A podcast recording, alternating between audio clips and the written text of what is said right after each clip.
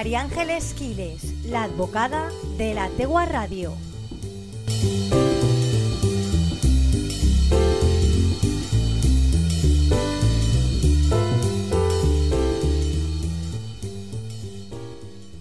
Muy buenas tardes a todos. Vamos a hablar de derecho y vamos a hablar de bueno, pues una noticia muy muy reciente, casi prácticamente sacada del horno y con la que nos hemos despertado esta mañana. Bueno, ya lo sabíamos anoche, pero esta mañana después de recapacitarla, pues todavía más contentos y es que el Supremo obliga al banco a pagar la tasación de la casa.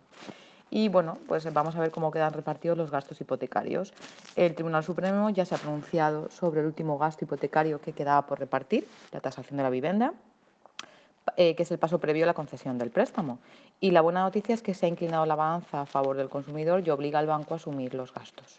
Siempre y cuando la escritura sea anterior a la entrada en, en vigor de la ley hipotecaria de junio de 2019 y la cláusula de los gastos hipotecarios sea considerada abusiva. Esto es importante, ¿vale? El fallo del alto tribunal está en línea con los que ya se han dictado algunas audiencias provinciales, eh, como puede ser la de Madrid, Málaga o la de Oviedo. Y alguna de, bueno, en, Alicante tenemos también alguna cosita similar y termina con las dudas sobre qué gastos deben recaer en la entidad financiera y cuáles en el consumidor. Bueno, pues según el comunicado, decía que con esa sentencia pues quedan ya resueltas por la sala de lo civil pues todas las consecuencias de la nulidad, las cláusulas que imponen a los consumidores los gastos de formalización del préstamo. Dice el tribunal que esta doctrina supone que los consumidores tienen derecho a la retribución de todos los gastos pagados en concepto de registro de la propiedad, gestoría y tasación, así como la mitad de los gastos notariales. El fallo supone una mejora clara eh, para el consumidor porque a principios de 2019, pues bueno, eh, lo que se hizo es un reparto salomónico. El 100% de los gastos del registro de la propiedad iban a la entidad financiera y el 50% a la notaría, de la notaría y el 50% de gestoría.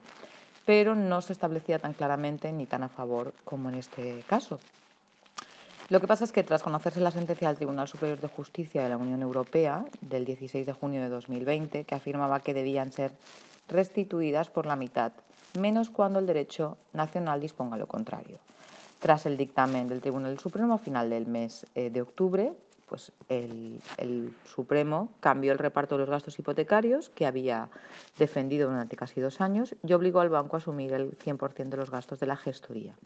Por tanto, los consumidores hasta ese momento podían reclamar el 100% de la gestoría, el 100% del registro y el 50% de la notaría.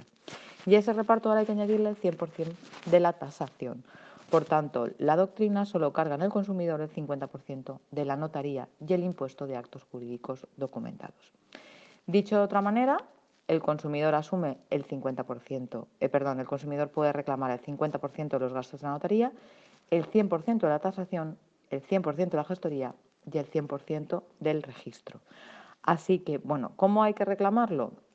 Pues hay que empezar eh, abriendo bueno, una, reclamación ante el Servicio de Atención al Cliente de la entidad con la que se firmó el préstamo o en su caso pues con la nueva entidad que haya fusionado o se haya absorbido con, con la que corresponda. Transcurridos dos meses desde que se presente dicha reclamación y siempre que no haya contestado el servicio de atención al cliente o que la contestación haya sido negativa, podríamos interponer la correspondiente demanda judicial ante el partido judicial del domicilio del prestatario o deudor o del domicilio social del banco indistintamente. Es decir, las hipotecas que se han hecho en inmuebles de Monóvar irán al partido judicial de Novelda. Hace falta abogado y procurador, perdonad. Y bueno, y lo recomendable es que se pidan todos los gastos más los intereses legales desde la fecha en que se pagó cada uno de ellos. Es importante tener todas las facturas de que se van a reclamar y se pueden pedir en los organismos donde se ha llevado a cabo la, escritura.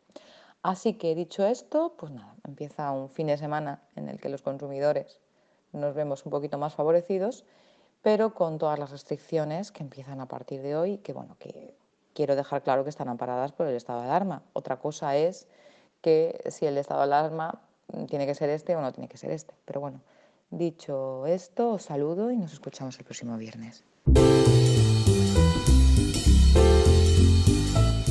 María Ángeles Quiles, la advocada de la Tegua Radio.